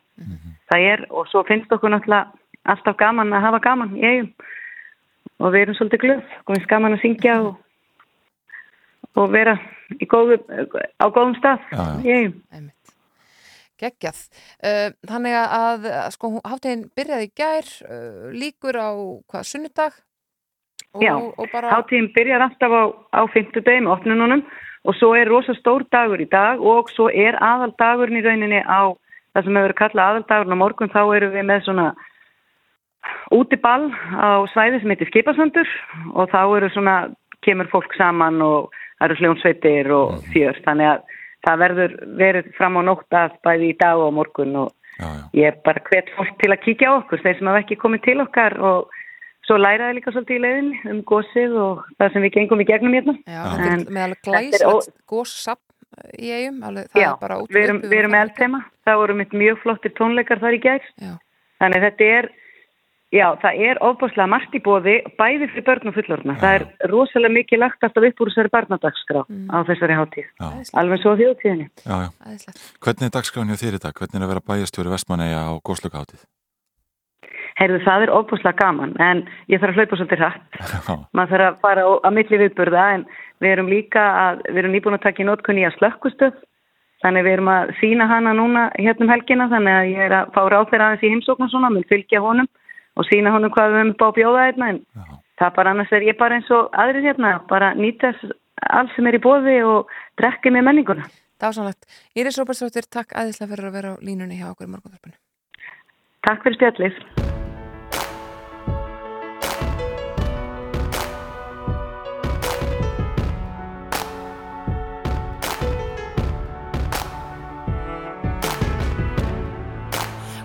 Remember those walls I built? Well, baby, they're tumbling down. And they didn't even put up a fight. They didn't even make a sound. I found a way to let you in, but I never really had a doubt. Standing in the light of your halo, I got my angel now. It's like I've been awakened.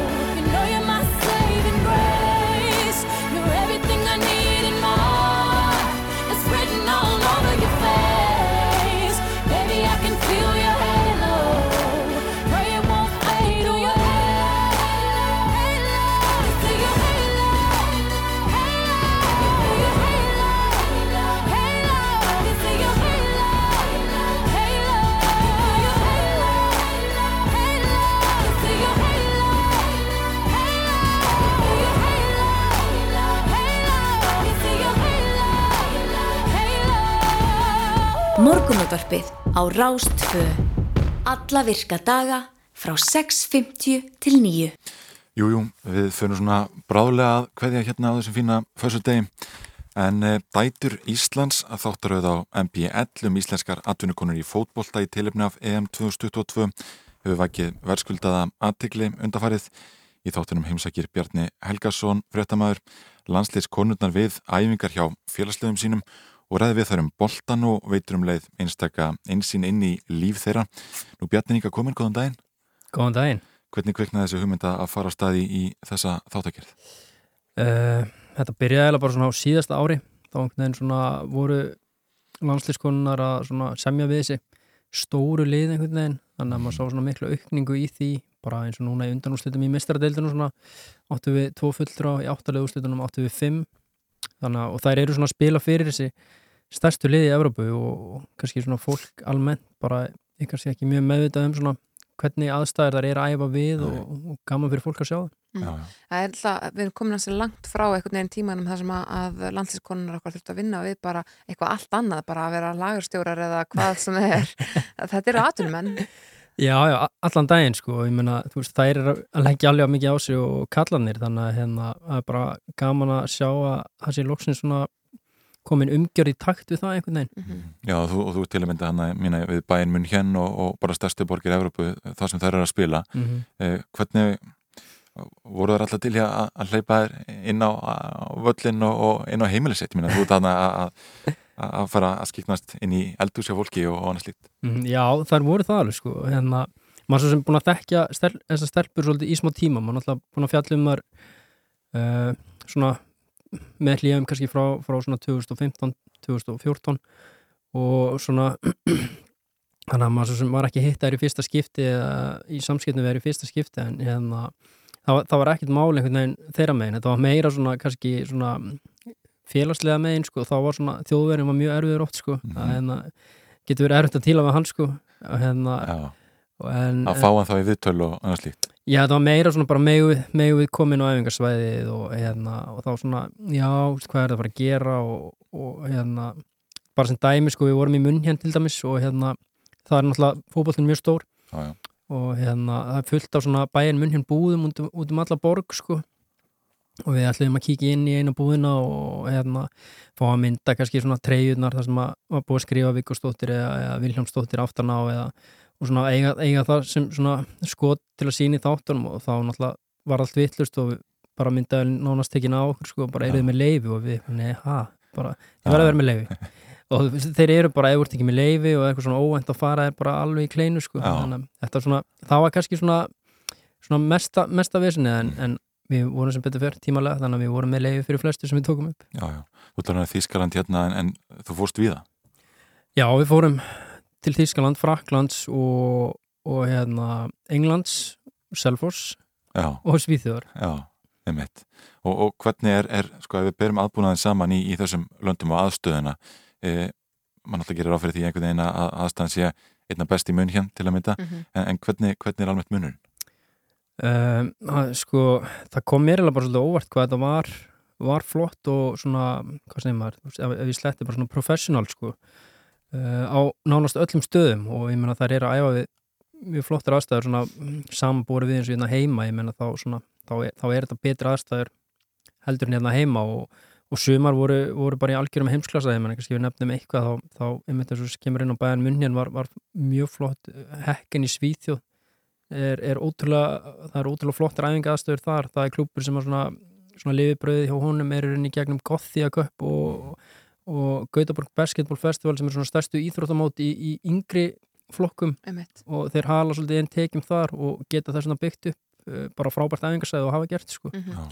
En þegar þú ert að gera uh, sko, hérna, þætti um hvernig landslið, hérna, hvernig fetar þessa svona fínu braut að, að þetta sé fagleg og málumannlega umfyllun og það sé ekki endalast vera fók, fókus einhvern veginn á, á kynðira og badnegnir og þú veist, uh, kæ, hvað finnst kærastanum og allt þetta, skilur þessu umræða sem einhvern veginn, maður finnst svolítið að hafa loðað við hvenna uh, konur í Vá, Já, bara. er spurning Þú hlýtur að hafa það í huga að það sé ekki alltaf bara eitthvað að allar að fara í fótbolta aftur eftir að átt bad þú veist, það sé ekki alltaf þessi spurning eða, einmitt, hvað fyrst kærastanum þínum um að þú sett hérna, atunukona, æðkilur Já, mm, þetta, sko, ég hef að veita ekki, þetta er bara einhvern veginn svona eins og ég kannski kom inn á aðan, maður er búin að fjalla um þar áður og svona hefur, hefur verið í ágætti sambandi við þar einhvern veginn. Mhm. uh, svo bara einhvern veginn þannig að þetta svona plani var alltaf þetta er ekki einhver svona viðtalsfílingur heldur bara svona spjall og ég er svo sem á þess að að stæra mig eitthvað að því þá, þá kannski ef maður er ágætlega involveraður í það sem þær eru búin að vera að gera sko. Einmitt. þannig að maður kannski er í ágætti stöðu til þess að, að tala um bara þessa venjulegu hluti ég menna að því maður þekkir þetta ágætlega og einhvern veginn það er líka, mér finnst það er líka bara þú veist, góðar í því einhvern veginn að bara þú veist, þær fældi svolítið niður veggina sko og bara Mhm. Hérna opnuðu sig um, um það sem er búið að ganga vel og ganga illa og þá einhvern veginn verður allt bara svona náttúrulegt sko Já, já, einmitt. Hvernig hafa almennt viðbröðum verið við, við þáttuna? Það er mikil stemming fyrir þessu móti. Já, algjörlega, hún er svona einmitt að aukast ótrúlega mikið, þetta er allt einhvern veginn að uppleið, en viðbröðin hafa bara verið ótrúlega góð, ég, hérna, ég er alltaf svona að tjekka á samfélagsmiðlum hvort það sé einhverja drulliði með eitthvað, en ég, ég er ekki búin að finna neitt ennþá, sko, þannig að hérna, það er allavega, enn sem komið er, hefur maður ekki heyrt eitthvað, eitthvað, eitthvað mikið neikvægt, þannig að, Nei, sem er bara frábært, sko. Já, já, og þú ert að fara út á mótið. Já, ég fyrir út núna bara í næstu viku. Uh, sjötta, svo náttúrulega bara fyrsta æfingkjöða um sjönda þannig að hérna, ég held að flesti fjölmjölumenn sé að fara út á miðvikudaginn. Og við hverju býstu við erum alltaf að reyna Já, að koma okkur upp á þessum riðli hérna eins og þætti, það er eina sem við tölum um sko, Já, já, þú þekkir liðið vel. nákvæmlega, hvað erum við að fara að komast upp Sko ég er svona, ég er aldrei bjartýtt sko, Já. þannig að hérna, ég saði við einhvern daginn sko, bara, þú veist, hvað getur verið langt, þannig að, sko, ef allt gengur upp, þá gætu við alveg farið í undanúrslit. Mhm. Það er svona, Já. það lengsta sem ég held að við myndum komast, en, en þú veist, ég hef einhvern veginn svona, þú veist, ég hef ótrúlega góða tilfinningu fyrir mótinu núna, þú veist, ég fór 2017 á mótið líka uh, og fjallaði um það og þá hafði ég slæma tilfinningu og það náttúrulega var, var bara rottið það mót, sko, Mhm. gekk ekkit upp og allt það en einhvern veginn tilfinningin núna er ótrúlega góð þannig að svona, kona minn vill að ég komi sem fyrst heim en, hérna, en ég er svona búin að búin undir að ég get alveg verið aðeins lengur en kannski þessar, þessar rúmlegu tvær vikur sem ég þarf að vera Já, einmitt. Hver, hverjum spáður sigri? Hvaða liðið sterkast? Það eru þannig að ég veit ekki, mér veist svona núna kannski, myndi skjóta kannski á England sko, það er einhvern veginn svona spila Old Trafford, þannig að uppharsleikin og svo úrslitaleikurinn á Wembley og er hann á góð úrslit og þjálfarinn hjá Englandi náttúrulega stýrði Hollandi til Sigurs á, á EM 2017 Mhm. þannig að, en svo er fullt af góðum liðum, ég meina þjóðverðarnir eru mjög sterkir og, og frakkar eru með geggja lið, þannig að þetta er bara þetta, það getur allt gæst í fótbolta. Getur allt gerst í fótbolta, er það ekki þess sem að þetta kalla í, hvað, hva, the beautiful sports fallega íþróttir. Er það getur hver sem er unnið? Jú, the beauty of sports það er, það er líka svolítið skemmtilegt eins og við kvennaboltan sko, að hérna sko kallaboltin er kannski svona meira ófyrirsjánlegur Mhm. en svona kvennaboltin núna að því að þú veist, leikmennin er orðin betri uh, taktíkin orðin meiri þá er þetta orðin meira svona hvernafóboltin er orðin ófyrirsjánlegur heldur en hann var. Veist, það var svolítið hægt bara að segja og þetta, þessi liður fara að spila, þetta lið vinnur en núna er þetta orðið hans öðruvísi út, út af þessari góðu þróun í, í kvennaboltanum þannig og það er kannski það sem gerir mótið enda meira spennandi í ár sko. Mm, það var jafnir leikir Já, ég ámóna því, þetta var jafnir leikir og þú veist, á góðum degi eiga öll lið að geta unnið innu hvort annað. Nákvæmlega. Þetta er ágætis loka orð Bjarni eh, Helgarsson, takk fyrir að kíkinga til okkar í morgun útupið. Já, bara takk hjá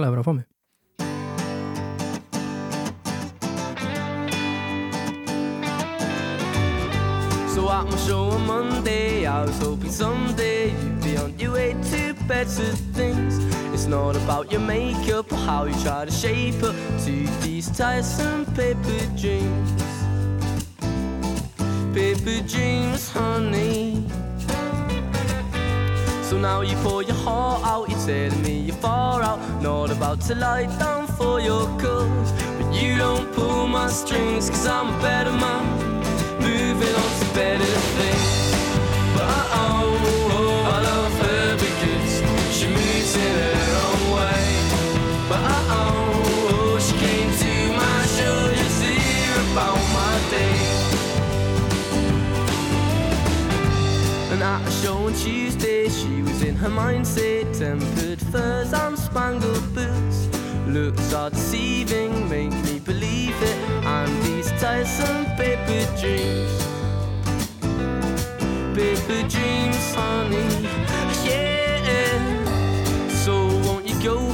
You're a keeper. Not about to lie down for your cause. And you don't pull my strings, cause I'm a better man moving on to better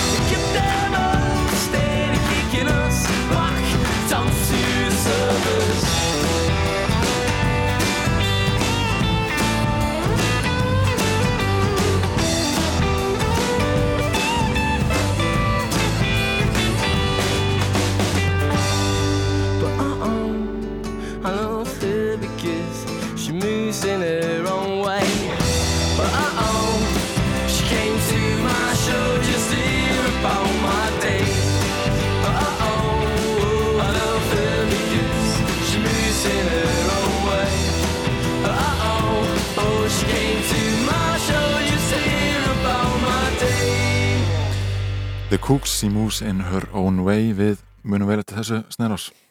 bara, já, já Eða ekki? Nei, Nei. Það þýr hann ekki að Þetta var ákveðin sem frábært. hljóðheimur fyrir, fyrir úlinga árin hjá mér. Já, getum við ok, sagt. fyndið. The Cooks og, og þær plötur sem þeir gafa út, ég held að þessi nú ennstarfandi. En við fyrir nú að, að kveðja snærós og, og, e, og kannski rétt að renna örstuði við það sem var í þætti dagsins. Við rættum e, ég landsmót hestamanna hér í byrjun þáttar. Við fengum Brynju Huld Óskarsdóttur Öryggis og Varnarmála sérfræðing tjálverkar sem rætti ástandi í Evrópu og sögulegan leiðtóafund NATO-ríkjana. Við rættum klám vanda ungs fólk sem er meira en e, við áður höfum talið. Fórum við fréttir vikuna með reytöfundunum Auði Jónsdóttur og, Gunnari Helgarsinni og síðan rættum við Írisi Róbersdóttur um uh, já, góðsloka hátið og Bjarni Helgarsson var að kveða okkur, hann er íþróttafréttamaður á mbl.is rætti við okkur um dætur Íslands. Nákvæmlega, en það eru ansi margir sem er að vinna sinn síðasta vinnudag fyrir sumarfrí, Jú, jú. ansi margir sem er að keira til vinnu núna og, og sko telja niður bara klukkustundar þanga til að, að það setja stimpla sig út. Ég er einn þeirra. Já, já, en þú ert að fara í, í sumafrí eftir bara 7 mínútur, ég ætla að vera einn áfram í næstu viku með Rúnari. Róbertsinni e, fer svo- síðan í frí. Algjörlega. Og svo komum við bara hér uh, hress aftur í um miðjan ágúst. Já, nákvæmlega. Eh, Síðasta förstaslæði okkar. Nákvæmlega, síðasta fyrstagslega okkar. Þetta er Higher Love með Whitney Houston. Takk kærlega fyrir okkur